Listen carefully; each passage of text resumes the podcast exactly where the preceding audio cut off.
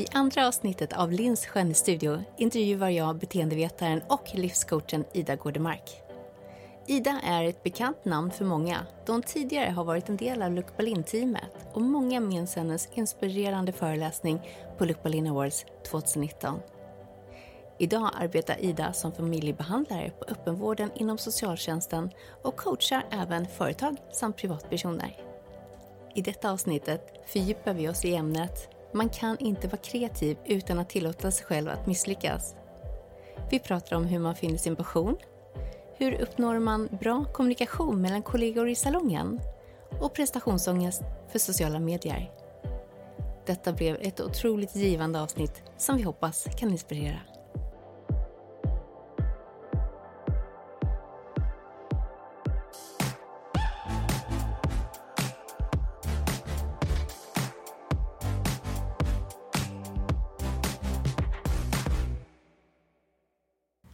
Så här sitter jag med min vän, beteendevetaren och livscoachen Ida Gårdemark. Varmt välkommen Ida. Tack så mycket Linn. Är den titeln som du känner dig mest bekväm med nu? Mm, jag tänker att den passar bra idag.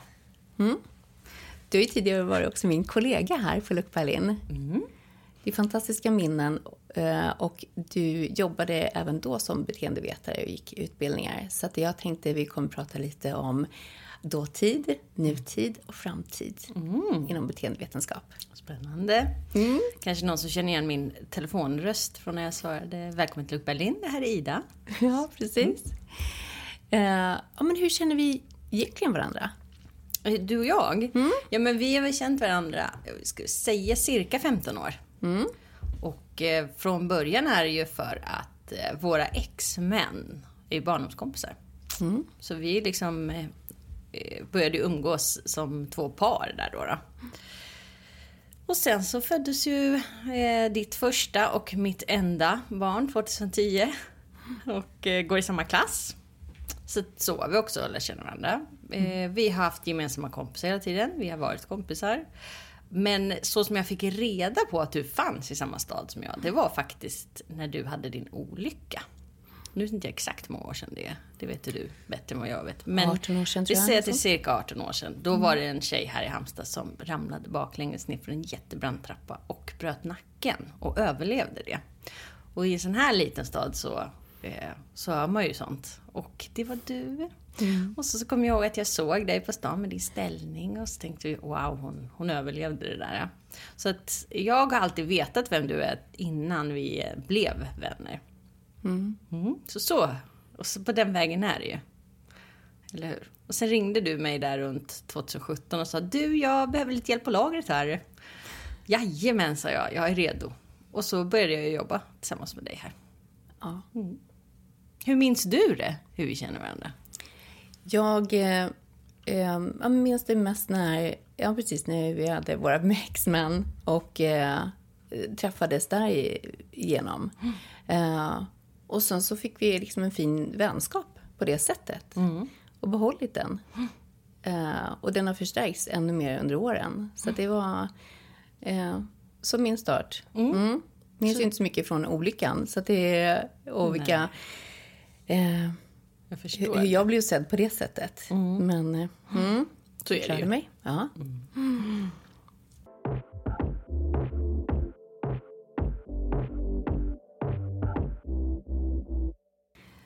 Ida, hur skulle du själv beskriva dig som person? Jag skulle beskriva mig själv som lugn, eh, positiv, mm, ganska rolig. Tycker jag själv i alla fall. Mm. Eh, lite smågalen. Eh, och smart. Mm. De väljer jag idag. Mm. Mm. Du då? Hur skulle du beskriva dig själv som person? Ja, men lugn, mm. eh, omtänksam, positiv. Mm. Lite klokare. Mm. Jag blir så, så klok. klok? För det mesta. Ja, härligt. Ja. Mm. mm. Hur kom du in på banan med, och, och, alltså med KBT-coach? Där kommer jag också ihåg våra tidigare, när du fyllde år, eh, när vi lärde känna varandra i början så hade du alltid så kalas och då bjöd du in en eh, lite livscoach mm. som föreläste och, och det var jag inte van vid vid liksom födelsedagskalas eller fester, liksom att någon hade anordnat något sånt. Mm. Så där, nu i efterhand så är det ju det du jobbar med själv. Mm. Hur kom du in i liksom banan att det, att det här var ditt kall? Det här var ditt jobb? Jag vet inte hur jag kom in på det, men jag vet att jag alltid har eh, dragits åt att lösa problem, lösa trassel, ta reda på varför. Eh, att ha en drivkraft framåt, att motivera andra. Eh, att inte bli stilla. Liksom. Så jag tror att det är det som började. Eh, och sen också eftersom jag kommer från eh, eh, ganska tråkiga erfarenheter som liten tjej så har jag alltid varit intresserad av psykologi och beteenden och varför man gör som man gör. Så att det har legat som ett litet grundintresse hela tiden. Ehm, och sen trodde jag väl kanske inte att jag skulle bli tillräckligt bra på det jag gör. Där var ju min svaghet. Jag trodde inte att jag skulle bli bra på det och jag vågade inte misslyckas med någonting som jag drömde om, som jag tyckte om väldigt mycket. Ehm, men sen ju mer jag jobbade med mig själv, eh, desto mer vågade jag prova och då blev det ju så att till slut så struntade jag i om jag var bra eller inte så länge jag kunde hjälpa någon. Så, så på den vägen är det faktiskt. När över övervann du den här rädslan att misslyckas då? Eh, men den är ju kvar, men mm. jag utmanar den varje gång jag ska göra någonting som, eh, som sånt här till exempel. Eller mm. prata med andra och dela med mig av min åsikt. Mm. Så jag, har inte, jag är inte färdig. Liksom. Jag tror inte att jag kommer bli färdig som människa. Jag tror att jag kommer behöva utmana mig själv att våga hela tiden, hela livet. Var du mest rädd för andras åsikter eller din, själv, din e självbild på ditt eget betyg av det du gör? Jag kan säga vad jag var mest rädd för, för nu har jag mm. jobbat med det ganska mycket. Men jag var mest rädd för att min pappas åsikt om mig skulle vara rätt. Och det var ju att jag var skitvärd. Och det, det, var det som jag tänkte hela tiden att jag vill inte att han, tänk om han har rätt, att jag är dålig och kass och värdelös och inte duktig på någonting. Eh, jag vill inte få det bekräftat. Så därför lät jag bli det. Men ju mer jag har jobbat med att förlåta min pappa, som idag inte lever sedan 16 år tillbaka, desto mer har jag kunnat utmana den att ja, men det spelar ju ingen roll om han skulle ha rätt eller inte. Det är ju hans rädslor som han la över på mig. Så att ju mer jag har jobbat med mitt förflutna, desto mindre bryr jag mig om vad andra tycker just nu. Starkt att du berättar om det. Mm. Han sa det till dig alltså när du var liten? Ja, det var det sista. Jag blev utkastad hemifrån ungefär två veckor innan studenten. Och då var de sista orden som min pappa sa var eh, om de säger till dig att skotta skit så ska du skotta skit för det är allt du är värd. Så tänkte jag, eh, jag tänker inte vara kvar här. Och så drog jag hem till en dåvarande pojkvän och hans mamma som tog hand om mig. Eh, och sen, eh, sen dess så har jag ju kämpat mig framåt med psykisk ohälsa, mycket självtvivel, eh, självdestruktivt beteende och sen har jag ju bestämt mig för att så här kan jag ju inte ha det. Då måste jag göra någonting åt det. Och speciellt efter jag fick min dotter så får man ännu mer kraft i sig att bli sin bästa version. Starkt berättat. Mm. Tack. Tack. Mm. Jag vet att du jobbar ju med eh, alltså det här beteendevetenskap och livscoachning och hjälper andra idag. Känner du att dina erfarenheter, ser du sådana idag att du liksom kan hjälpa det du behövde, den hjälpen du hade behövt då, mm. kan du känna att du ger tillbaka den idag? Mm. Jättemycket. Det är ju det mm. som gör att jag tycker att mitt liv är så meningsfullt. Även om jag inte lyckas med så stora saker som andra kanske hade tyckt varit viktiga så är det i, i samtal med ungdomar eller andra människor när jag får ge någon typ av tröst eller stöd eller pepp. Eh, mm. Då känner jag att jag har, jag har gjort mitt livs mening. De har hjälpt mig att nå det viktigaste i mitt liv och få eh, stötta andra. Faktiskt. Så att jag, jag lever ett väldigt meningsfullt liv mm. utifrån vad jag själv tycker.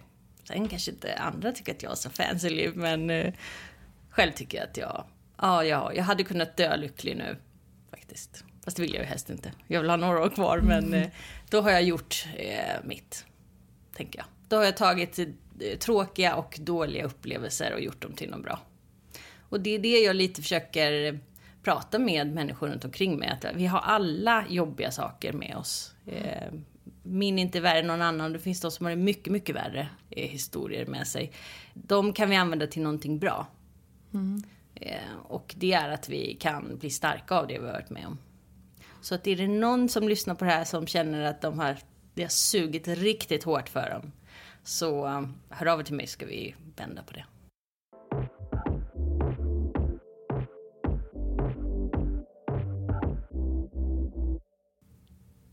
Nu ska vi fördjupa oss i eh, beteendevetenskap kopplat till skönhet. Mm.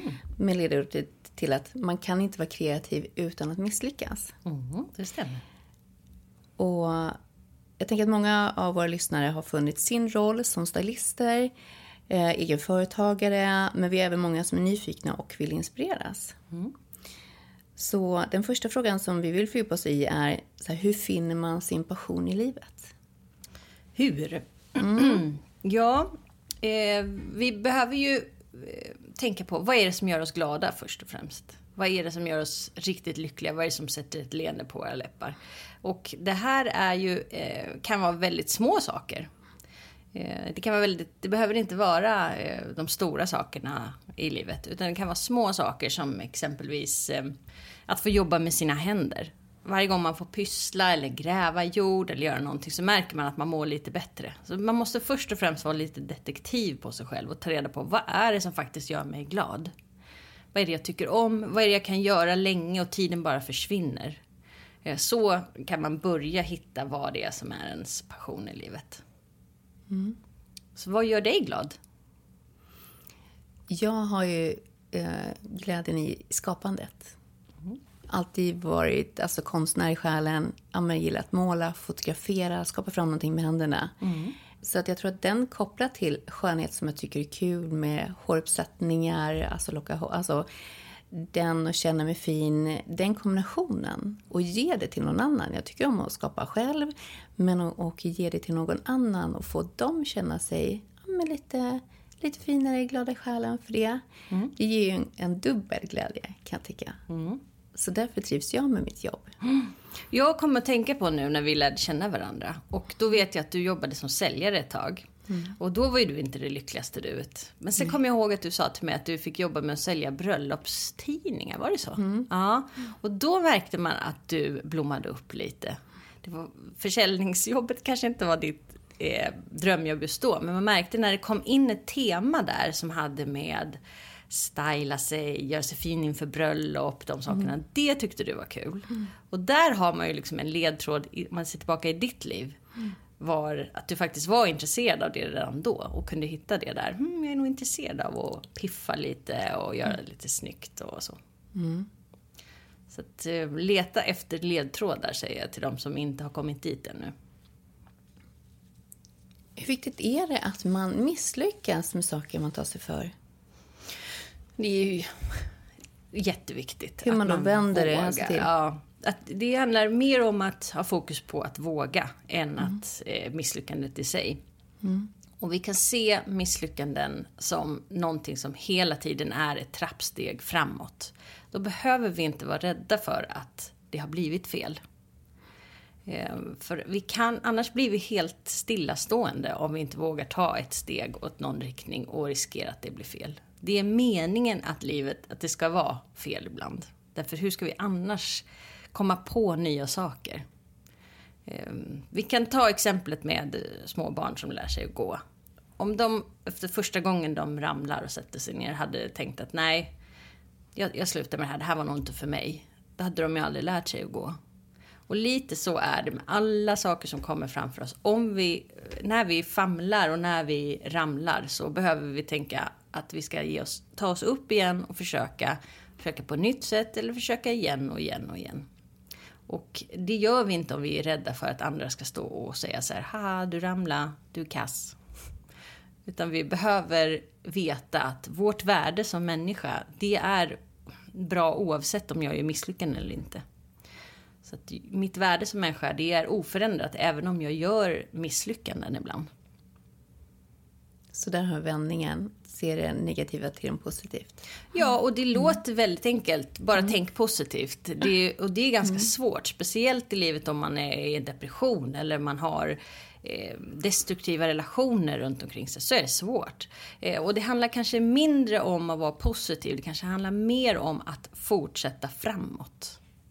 Fortsätt framåt, bli inte stillastående. Det finns ett jättefint talesätt som jag älskar som är Fall seven times, stand up eight. Och det tycker jag är så talande för att vi ska ramla, vi ska bara upp igen. Mm. Ibland behöver vi hjälp upp, ibland blir vi liggande ett tag och samlar kraft, men vi ska framåt. Så allt som har med skapande att göra i den här branschen. Ja, det kanske inte blev, du kanske inte tog första platsen, du kanske inte fick en pallplats överhuvudtaget. Det kanske inte var någon som sa att det var fint. Men det är ju inget misslyckande, det är ett steg framåt om det är första platsen du är ute efter. Men när det kommer till mode så är det ju också väldigt individuellt vad man tycker. Det måste man ha med sig i er bransch. Ehm, att det finns ju mainstream-mode som många eh, tycker är fint och eh, tryggt skulle jag vilja säga.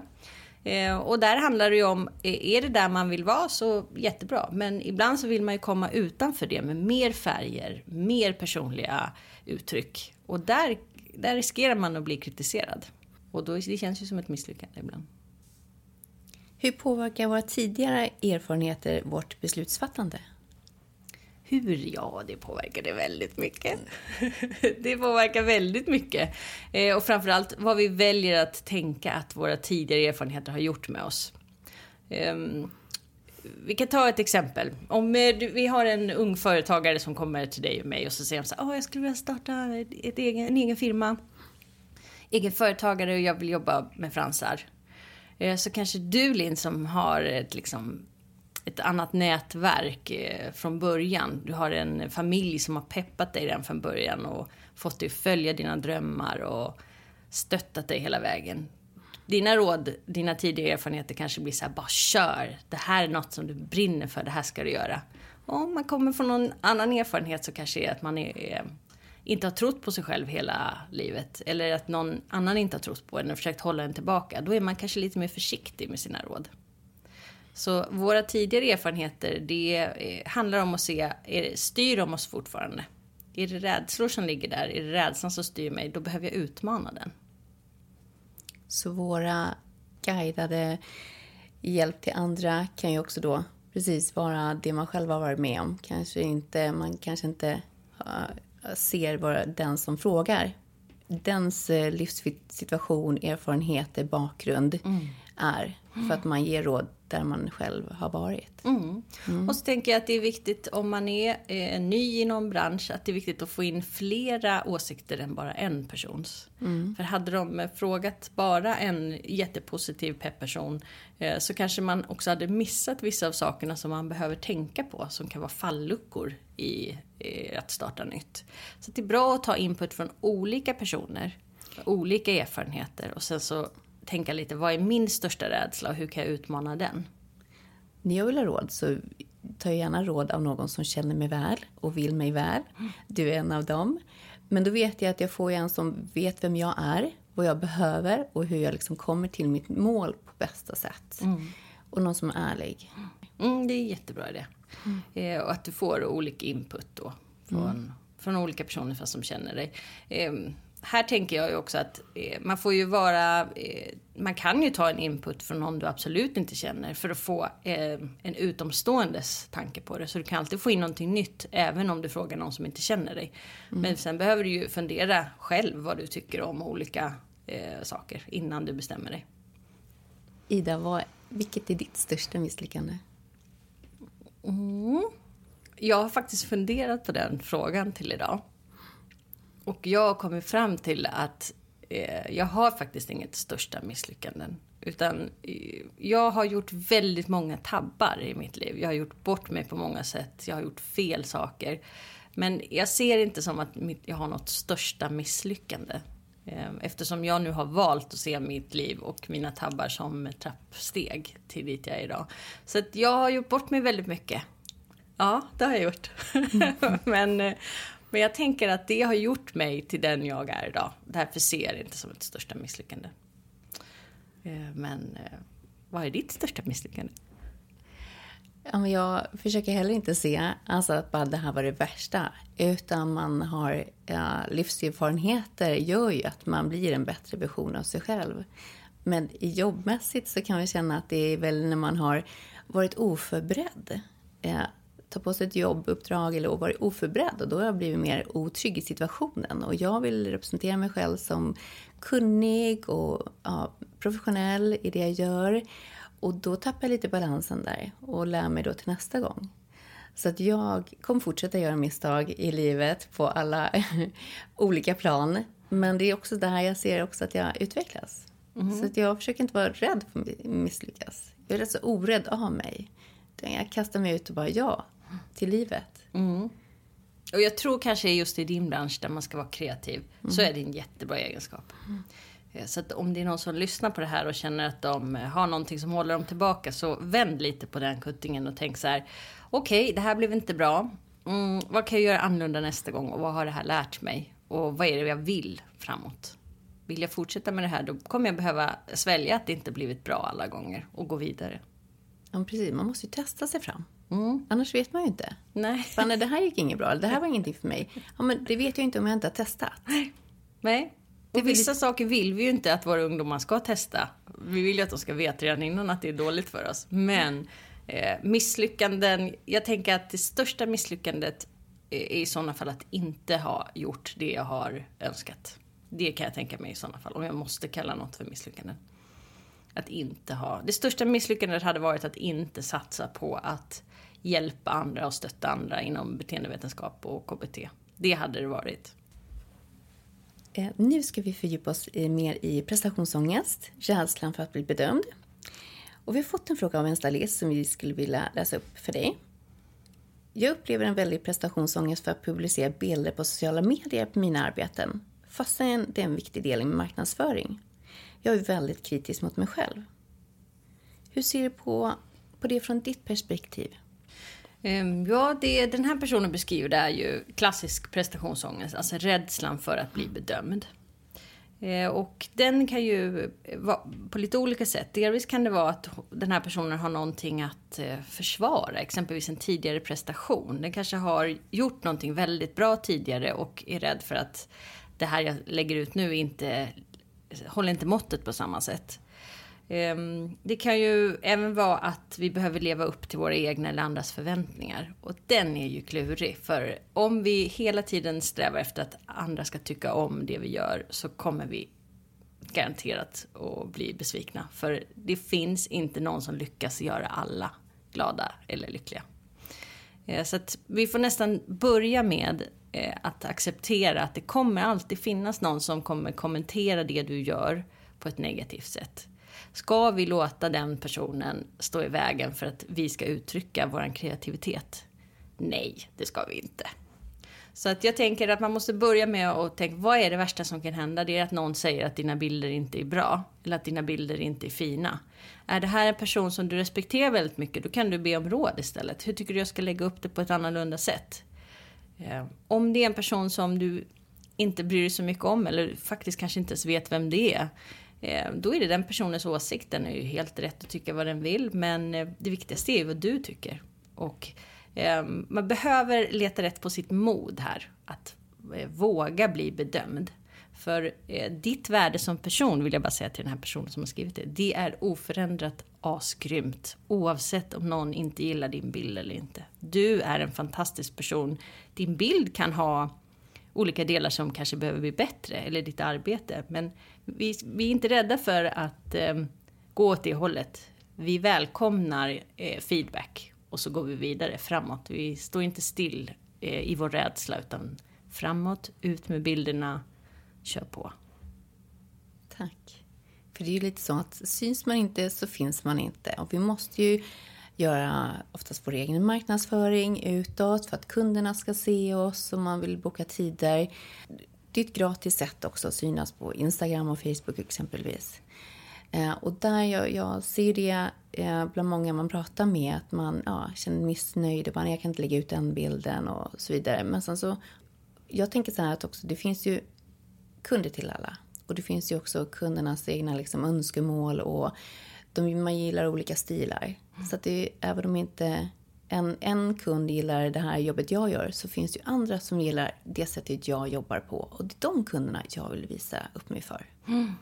Jag tänker lite att i er bransch också så säljer man ju en del av sig själv. Mm. Alltså, jag vill ju helst gå till den stylisten som jag känner att jag gillar också som person. Mm. Eh, så tänker jag personligen. Eh, och då behöver jag ju se någon som är mänsklig. Jag behöver ju se en vanlig människa där bakom. Som mm. också är, är modig och pigg och vågar testa saker. Eh, så att, ehm, det är viktigt att visa upp sin personlighet. Även om du inte har en personlighet som du tänker andra kommer behöva. Utan din personlighet. Just den som är du. Du behöver inte vara den mest färgglada eller roliga personen. Utan du behöver bara vara du. Det är det som jag också skulle vilja att man tar med sig i din bransch. Det räcker att vara du. Det räcker. Mm. Och där är ju också ett exempel på när man bara lägger ut jobben. Är det okej okay att bara visa sig bakom bilderna, att man inte syns framåt? Övervinna den rädslan om man inte tycker om själv om på bild eller sociala medier. Mm. Hur kan man liksom övervinna det? För det är ju också väldigt positivt att, kunna, att kunderna ser vem man är mm. på sociala medier. Mm. Men det är många som är rädda även på den bilden, eller tycker den är obekväm. Ja, och där kan jag tänka mig att det har att göra med att man är orolig att någon ska säga att du inte är fin nog. Eftersom mm. du jobbar med skönhet. Eh, här får vi ju tänka att skönhet ligger ju i betraktarens öga. Mm. Och om jag tycker att jag är fin så räcker det. Men det här är en inställning som man måste jobba in varje dag. Varje dag måste du jobba med att du duger och att du är fin precis som du är. Eh, annars så försvinner det därför att andra plockar den ifrån dig. Eh, så att om man då inte vill vara med på bild så kan man fråga sig själv varför vill jag inte vara med på bild? Och så får man ju vara ärlig med sina svar. Eh, och så får man se vad spelar det här för roll egentligen om fem år? Att någon har sagt att mitt hår är inte tillräckligt fint eller min hy är inte tillräckligt fin. Vad spelar det för roll om fem år? Oftast ingenting alls. Då tycker jag du ska göra det. Jag tycker du ska vara med på bild, säga till den som inte vill. Om du vill, mm. såklart. jag tycker väl i det här yrket som, där vi alla är som konstnärer. Mm. Det är det som är det fantastiska, att vi alla är unika, vi alla är olika, vi skapar olika, man har sin egen look. Mm.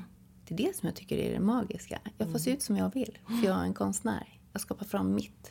Och du Linn, som har en väldigt specifik och personlig stil, du mm. måste ju få höra det här ganska ofta. Ja, oh ja. När eh, alla, att alla älskar ju inte din look. Eh, så det kan jag ju tänka mig är en del av din utmaning. Att fortfarande stå på dig och känna att men det här är den jag vill vara. Eh, med hår, stora håret och långa naglarna och brynen och alltid väldigt brun. Och, det är ju din personliga look. Ja, men jag, jag tycker jag är fin. Jag känner mig fin så här. Och jag har ska, ja, jag ser ut så som jag vill, så som jag känner mig bekväm i. Mm. Uh, så därför tror jag att jag, jag får dagligen nå, nå uh, PM eller så precis hur, hur jag ser ut. Och, uh, mina rynkor, att jag precis solar mycket, mina bryn framför allt. Mm. Men alltså, jag hade väl inte haft dem om jag inte tyckte om det själv. Mm. Och sen vad hon tycker, det hon får absolut ha sin åsikt. Och hon får se ut precis som hon vill. Mm. Tack vare att man Eh, har blivit mer trygg i sig själv ju äldre man blir. Ju mer eh, eh, tar man det på rätt sätt. Och som sagt, jag, jag har en... Vad är rätt sätt då?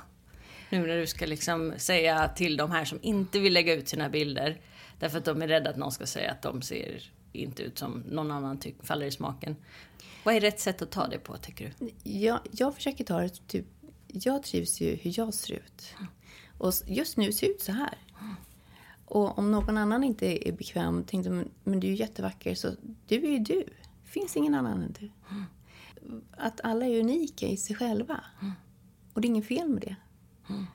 Det är väl att man bara får hitta den styrkan i sig själv. Så det är nog svårt att, jag tror att man måste känna det. Rätt som det är så, så har man det. Och jag kan ju titta på gamla bilder nu och bara, oj, kan, kan man få högre tupering än, än då? Men där och då vet jag att jag känner mig jättefin. Att man blir lite beblindad i, liksom, i den looken man har. Mm. Jag är rätt extrem, mm. men jag gillar det. Alltså, jag gillar den andra extrema också, eller den andra är helt naturliga. Mm. Jag tycker det är, man har sin egen identitet mm. i, i sitt utseende också. Jag kan tänka att många unga personer ännu inte har kommit dit. Och då skulle jag vilja ge dem tipset att man blir bra på det man övar på. Alltså blir du, får du öva på att ta emot feedback eller kritik och gör det med humor och inre styrka, då är det det du kommer bli bra på. Jag, eh, när jag växte upp så hade jag en mamma som alltid målade naglarna. Hon hade långa röda naglar. Det var innan man gick på salong. Så hon lackade och hon lockade håret. Så det var ju min, jag var ju van vid att se att ha en mamma som, som tyckte om och ja, men stylade sig. Det gick i hennes vardagsrutiner. Så det var ju det var inte bara något konstigt för mig att, att liksom ta efter det och ah, kan du hjälpa mig? Och jag kände mig fin. Jag tyckte mamma var fin oavsett hur hon såg ut. Mm. Men därför liksom trivs jag nog bra i den här branschen. För det känns så naturligt för mig mm. att, att göra sig i ordning.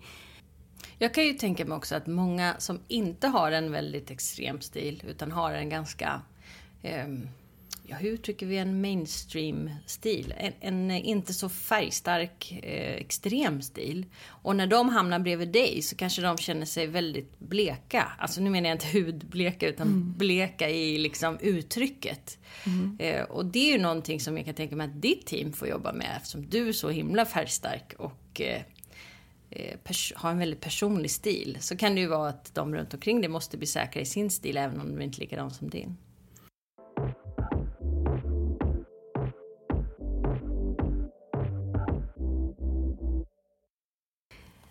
Så tillbaka till prestationsångest. Mm. Eh, vi tänker utmaningen på att våga tävla och utsätta sig för direkt bedömning. Mm. Vad är bästa coachning där? Eh, men det är kanske bra att veta vad det är som påverkar vår prestationsförmåga. Och det är ju eh, delvis vår tekniska kompetens, alltså så mycket kunskap som vi har eller skicklighet. Och där kan vi ju alltid öva upp den. Så delvis att vi övar på det som vi då vill prestera i är ju en viktig del. Eh, även vår, vårt mod och vår uthållighet är bra att öva upp för att kunna våga prestera. Eh, och att man eh, accepterar att det kan bli fel. Och det här kom, det kom, är en del av priset jag får betala för att visa upp någonting. Det är att någon kommer bedöma det. Så att mitt mod kommer ju eh, ställas på sin spets. Så de, vi har ju ett SM framför oss mm. i fransk förlängning och lashlift och browlift. Mm. Så bästa tipsen då, de som är rädda för att, eller där, våga tävla. Mm. Det är lite olika rädslor var någonstans, var, var brister det eller vad är man rädd för? Mm. Vad är bästa tipset där för att man ska liksom... Nervositet är ju helt okej. Okay. Vi behöver veta att bara för att jag är nervös för någonting eller faktiskt lite rädd för någonting så betyder inte det att jag inte ska göra det här. Eh, nervositet betyder ju att det är viktigt för dig. Så jag tänker att om vi börjar med att eh, acceptera vår nervositet och tänka att ja, men jag är nervös för det här för jag tycker att det ska bli eh, kul och jag hade velat prestera väl, för det är alltid kul med bekräftelse. Men nervositeten i sig behöver vi jobba lite med. Eh, ett bra sätt är ju med andningsövningar, för det är det enda vi kommer åt att påverka där och då. Så mina tankar om mig själv och mina, min andning är det vi kan påverka vår nervositet med. Ehm, sen är det ju även bra att ha övat lite innan. Såklart, om man vill tävla. Det gör ju ingenting om man kastar sig in i det utan. Men det kan vara skönt att ha övat lite på de momenten som man tycker är svåra. Så öva lite extra på det momentet du tycker är svårt. Ehm, ja, vad kan vi mer ha för tips? Ehm, det viktigaste är ju att man kan peppa peppa och lugna sig själv när man känner sig så här.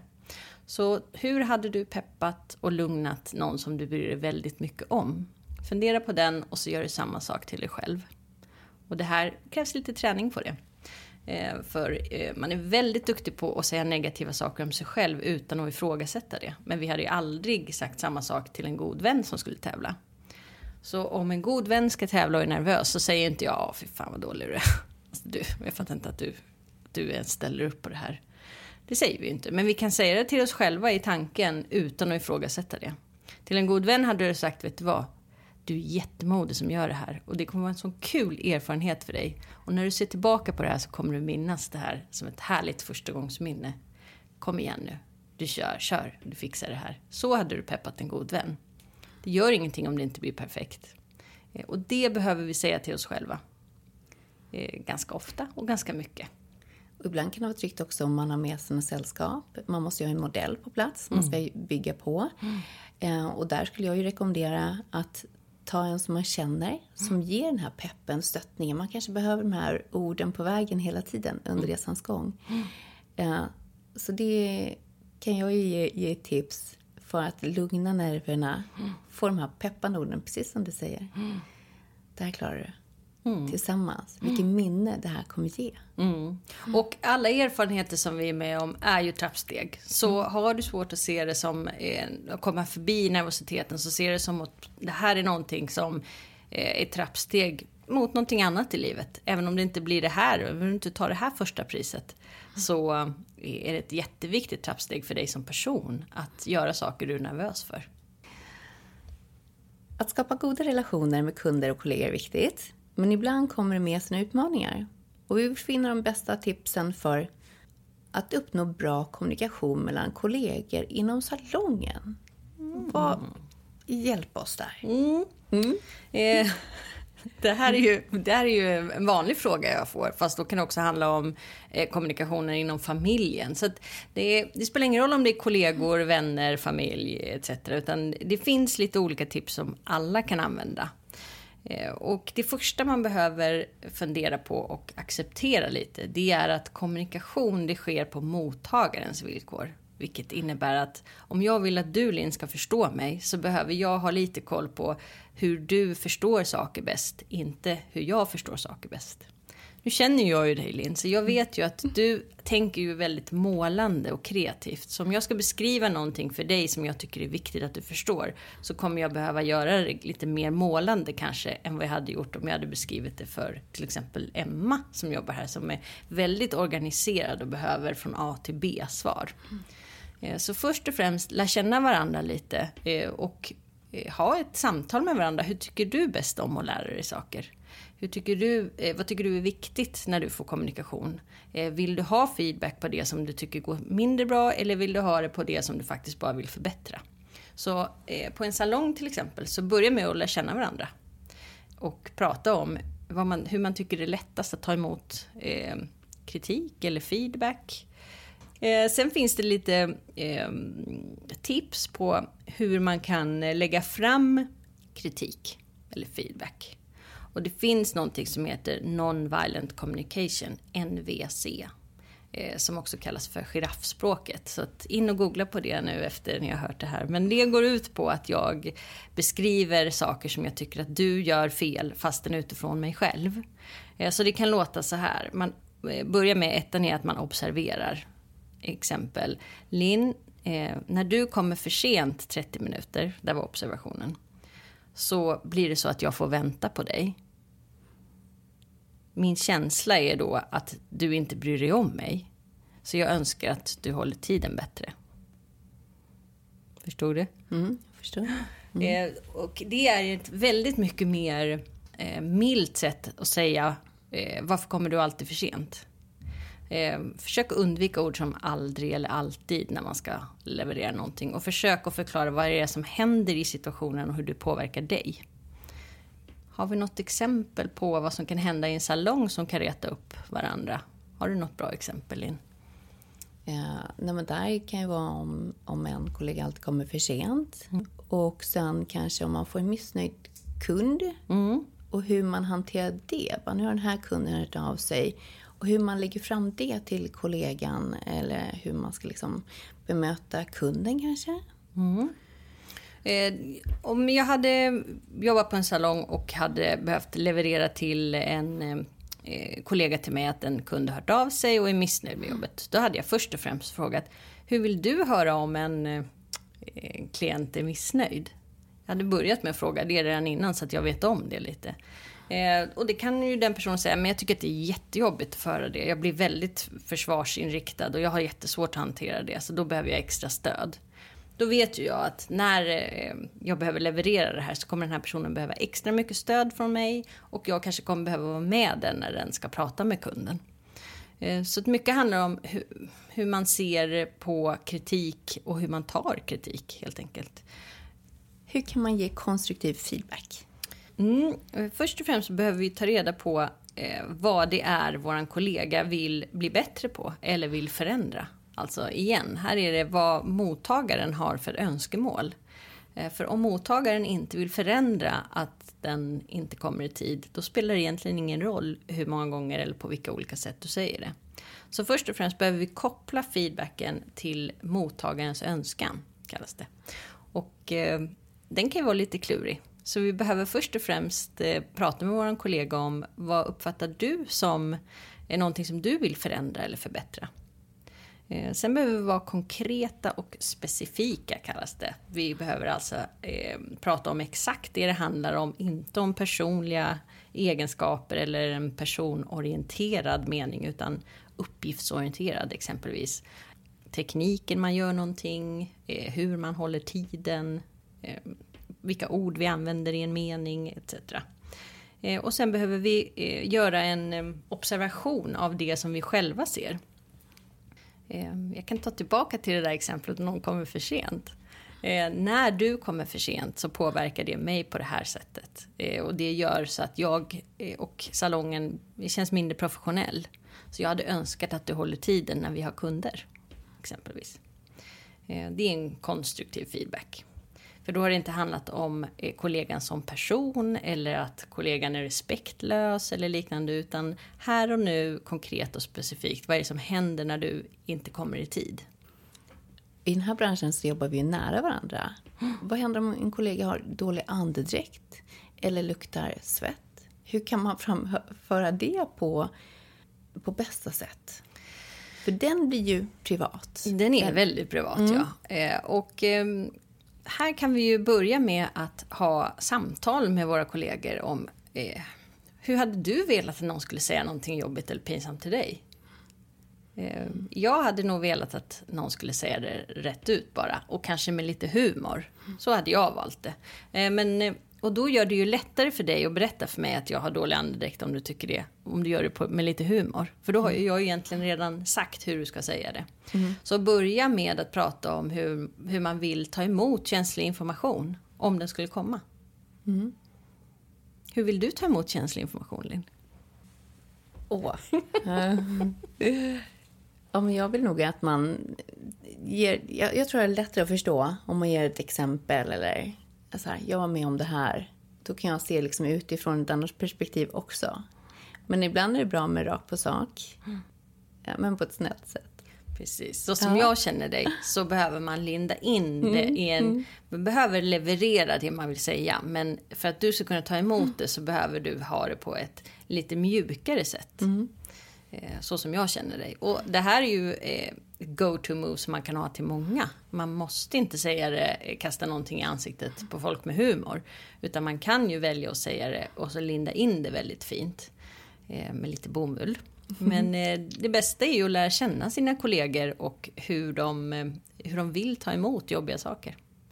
Att det, inte, det här gör inte att jag tycker mindre om dig som person. Men vi behöver prata om din andedräkt.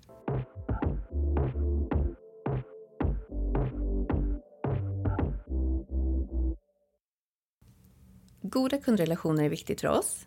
Att just förstå kundbeteenden och att skapa starka och långsiktiga kundrelationer är en nyckel för att driva en framgångsrik verksamhet. Hur gör man det på bästa sätt? Ehm, jag tänker att en viktig del är att förstå önskemålet från sin kund. Ehm, här behöver vi kanske ställa fler frågor än vad vi brukar om vi har en kund som inte uttrycker sig väldigt mycket och som kanske svarar jag vet inte eller Eh, gör vad du vill eller du får bestämma. Eh, ställ fler frågor, visa exempel. Vilket av de här två tycker du bäst om? Eh, så att du verkligen får fram och förstår kundens önskemål. Sen behöver vi också ha reda på om det här är en realistisk förväntning som du kan leverera. Är det här någonting som du kan skapa åt den här kunden? Och att vi inte lovar saker som vi inte kan hålla sen. Att vi är tydliga med att det här är ingenting som jag arbetar med i den här längden, till exempel på fransar eller liknande. Eh, och sen kan man också fråga efter det bästa eller värsta scenariot för kunden. Eh, exempelvis, vad hade varit det värsta scenariot här idag? Jo, det är att jag kommer ut med för mörka bryn till exempel. Eller att jag kommer ut med för korta fransar. Eh, då har du en tydlig bild av eh, kundens önskemål. Och så utifrån vad du själv klarar av att skapa så får du eh, hålla dig inom eh, hur realistiskt det är att de kommer gå ut härifrån nöjd. Mm. Så jag tänker att det är viktigt att prata, att ta lite extra tid när man har en ny kund eller en, en kund som är lite tystare och inte har eh, uttryckt sina önskemål så mycket. Som kundkonsultation innan varje behandling, en bra nyckel till en bra kundrelation mm, Det är det, mm. det är det faktiskt. Mm. Som stylist så tar vi hand om många kunder. Eller hur ska man agera om man får en kund tillbaka som är jättemissnöjd och är arg och irriterad och vill ha pengar tillbaka, hotar med att lägga ut sociala medier, hur dålig man är. Där kan man bli lite rädd som stylist man vet inte hur man ska bemöta kunden på ett professionellt sätt. Ja, hur kan man hantera den, den situationen som stylist för, att kun, för att man ska kunna förstå kunden eller man förstå varandra? Mm, ja, jag tänker att eh, om du har en väldigt arg person framför dig som har höjd röst och hotfullt kroppsspråk och liknande så är det viktigaste egentligen att lugna situationen. Eh, så att försvara sig själv och sitt jobb där och då kanske inte är prio. Eh, får du en väldigt arg person mot dig så eh, börja med att lyssna på vad den säger. Eh, försök sammanfatta vad den säger. Det jag hör dig säga att du är besviken med längden på fransarna. Eller det hör, eh, har jag förstått dig rätt att det är färgen du tycker är för mörk exempelvis. Så gör en liten sammanfattning så att eh, ni kan komma överens om vad det är som är felet. Kan du, om du känner att det här kunden, den, den kommer inte jag komma någonstans med. Eh, då hade jag personligen löst situationen genom att ge pengarna tillbaka och eh, säga jag, jag, eh, jag får be om ursäkt om jag inte kunde leva upp till dina förväntningar. Så här är pengarna tillbaka och jag hoppas att du hittar en stylist som, som du kan vara tydligare med som kan ge dig det du önskar. Och på så sätt så har du mildat det du kan milda. Det här är ju med de som är väldigt, väldigt arga då som man knappt kan prata med. Om du märker att när du börjar prata på ett lugnt sätt med den här väldigt arga kunden och ni kommer överens om att det kanske var färgen som var problemet eller längden eh, och du vet att du kan lösa det här så kan du erbjuda en lösning. Eh, eller erbjuda, önskar du pengarna tillbaka eller vill du att jag ska försöka fixa färgen? Om jag nu kan det. Eh, och där får ju den personen som är missnöjd ett val. Och då känner den sig lite mer i kontroll över situationen. Och förhoppningsvis så kan man lösa det därifrån.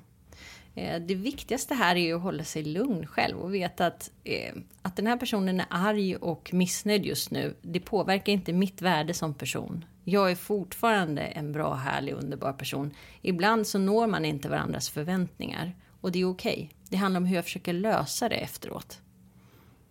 För det här problemet kan ju lättare hända när man är, är ny, är nyutbildad och inte har erfarenhet. Mm med tio år i branschen nu så kan jag mer hantera en sån här situation bättre. Mm. Och jag kan guida också elever som behöver stöttning och så. För det här, de här problemen händer ju. Samma sak på Elganten kan det ju en arg kund komma in och bara jag ska pengar tillbaka, mm. min TV är sönder. Ja, fast då måste du ta med dig TVn hit. Mm. Alltså man, så det finns ju besvikna kunder i alla branscher på olika sätt. Mm. Det man kan uh. göra är ju att man kan bekräfta den personens känsla. Om du kommer in och är jättearg besviken på mig så lugnar det ofta situationen om jag säger jag hör att du är jättearg. Jag förstår att du är besviken på att det här inte blev som du ville. För det man gör är att man tar lite luften ur. För en arg person som kommer in och är, vill gärna ha ett litet mothugg för den har kanske jagat upp sig och kanske fått höra från någon annan också att du ska inte ta den här skiten in och bara kriga. Så att om du inte krigar tillbaka utan bekräftar känslan så lugnar du det omedelbart. Jag tänker Linn, med den erfarenhet som du har idag, vilket råd hade du velat ge eh, dig själv när du var ny i branschen? Eller jag tänker på de här eh, lite yngre personerna som ska tävla nu för första gången här framöver. Mina bästa tips är ju att våga när jag tävlade första gången så var det ju, jag såg en, eh, en reklambild på Facebook att det var EM i Polen. Jag hade precis eh, gått ut med att jag var lärare och jag kände att jag ville ha ett bevis på min kunskap. Jag ville bli bedömd av en professionell jury. Och jag kände att här är ett bra, eh, ett bra tillfälle. Det var det. Jag tror att jag var väldigt orädd. Tänkte nog inte så mycket. Och det har ju lett mig framåt. Ja, jag kom trea i singel. Jag kom näst sist i volym, vågar jag säga nu, sju år senare. Men det var ju också att det var själva upplevelsen i sig gav ju mig så mycket rikedom och erfarenhet. Så att om man tänker på att ni som tävlar, oavsett placering, eller näst sist eller sist, så är ni ju ännu bättre än de som inte tävlar. Och de är många fler. Härligt. Så Ida, hur skulle du sammanfatta vårt samtal nu? Vårt samtal idag? Mm. Ja, jag tänker att eh, oavsett vilken bransch du är i så handlar ju en stor del av livet, speciellt när man är ung, om att acceptera sig själv och lära sig att tycka om sig själv. Eh, för många gånger har vi en kritisk röst i huvudet som någon annan har satt där. Så jag skulle vilja sammanfatta det med att vi behöver öva på självkärlek och pepp och bekräftelse. Då kommer vi våga göra de sakerna vi är rädda för om det handlar om att eh, tävla eller lägga ut bilder eller ta hand om arga kunder eller prata med sina kollegor. Så öva på självpepp eh, och eh, självkärlek till dig själv. Ehm, sen skulle jag väl vilja sammanfatta det med att för att hitta sin passion så behöver vi fundera på vad är det som kommer lätt till dig? Vad är det som får dig att le? Vad är det som gör att tiden försvinner för dig? Så, så har du eh, ledtrådar på vad din passion är. Sen pratade vi ju lite om giraffspråket som jag tycker är en väldigt bra grej. NVC, Non-Violent Communication. Kika lite på det så att, eh, har ni tips på hur ni ska prata med kollegor om kanske lite jobbiga ämnen. Eh, även konstruktiv feedback till sig själv och andra handlar om vad eh, mottagaren har för önskemål. Eh, sen tänker jag att vi, vi behöver bjuda på oss själva eh, men vi behöver inte alltid vara oroliga för att eh, är vi inte tillräckligt färgstarka eller tillräckligt coola eller tillräckligt häftiga eller snygga utan eh, att bjuda på sin personlighet det handlar om att bjuda på dig, den du är oavsett vad din stil är. Fantastisk sammanfattning tycker jag. Så nu har jag lite avslutningsfrågor. Mm. Mm. Vad är det största ögonblicket i din karriär? Ja, jag skulle säga att eh, de, eh, de samtalen jag har haft med personer som inte vill leva längre och som har beslutat sig för att ändå fortsätta att leva. Mm. De har varit de största för mig låter lite mörkt, men det är sant faktiskt. Eh, för eh, jag träffar människor som är liksom så väldigt deprimerade och eh, de har tappat hoppet och sen lyckas få dem att vilja kämpa en dag till. Det har eh, känts väldigt fint för mig att få kunna vara med en annan person på den resan. Så vilket råd hade du själv velat givit till dig när du var 20 år? Åh, lilla Ida, 20 år. Mm, jag skulle vilja... Eh, om jag skulle prata till mitt 20-åriga själv och till alla er 20-åringar där ute som lyssnar. Så ska, skulle jag vilja säga att eh, fortsätt framåt. Öva på att tycka om dig själv. Varje dag behöver du öva på att bekräfta dig själv. För då behöver du inte bekräftelsen från andra lika mycket. Eh, och jag tycker ju att fall seven times, stand up eight säger allt. Vilket är det bästa rådet du har fått på vägen som har gjort skillnad för dig? Jag träffade en dam, eh, jag kommer inte ihåg vad hon hette nu, tyvärr. Jag var 19 år och det var på en kompis student. Hon säger Ida, stanna aldrig i en relation som tar mer än den ger. Det är det bästa rådet jag fått. Och jag tänker att hon menade att det handlar inte bara om kärlek och vänskap och familj och sånt utan även om relationer på jobbet eller relationen som man har med sig själv. Så det är det bästa rådet jag har fått. Ida, vem hade du velat att jag intervjuade framöver? Mm. Då tänker jag Linn att jag nästan får ställa den frågan tillbaka till dig. Eh, för vad som är mest intressant kanske för dig är ju att intervjua någon som du ser upp till eller som du vill bli bedömd av? Eller um, vem tycker du är din inspiration i den här branschen? Ida, det är därför du är här. Men tack. Mm, det är så jag tänker mina gäster faktiskt. Mm. Så jag tror efter vårt samtal nu så tror jag att man har fått mer inspiration och inser din styrka, eh, vad du kan ge. Om man vill ha mer råd och din coachning, hur når man dig då Ida? Jag finns på sociala medier. KBT livscoachning med Ida på Facebook och KBT livscoach på Instagram. Toppen. Ja. Mm. Jag rekommenderar alla, som sagt när vi jobbade här tillsammans så jobbade du med teamet här i salongen och med mitt lärarteam. Och du ger jättebra råd. Så det har verkligen betytt mycket i, i alla år. Fortfarande så har man det tänket här. Tack. Mm. En Ida-anda. Vad gulligt. Mm. Så om detta var intressant för er lyssnare och ni önskar fler avsnitt med Ida, önska då gärna temat på avsnitten och vad önskar ni då att vi pratar mer om? Så tar vi gärna in Ida igen. Ja, vad härligt. Så Ida, tack för det här eh, samtalet. Alltid givande. Tack mm. själv. Du har ett stort hjärta. Ja, det betyder mycket. Mm. Tack. Och som jag brukar säga, that's a wrap. That's a wrap. Med detta inspirerande avsnitt så hoppas vi att ni lyssnare har fått vägledning och inspiration av Idas kunskap. Att våga synas på sociala medier är viktigt i vår bransch och ger genomslag. Därför vill vi påminna om att vi på Luppalin arrangerar vår Stylist of the Month-tävling på Instagram varje månad där du som elev har möjlighet att synas på våra sociala kanaler. Det du behöver göra är att publicera dina arbeten på ditt Instagram och hashtagga lookbylinstylist. Då är du automatiskt med i tävlingen som är helt kostnadsfri.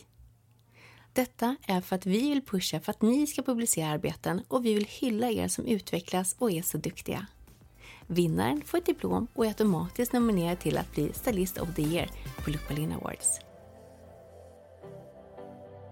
Vi som producerar podcasten Look Berlins skönhetsstudio är Linn Bergström och jag, Emma Schatz.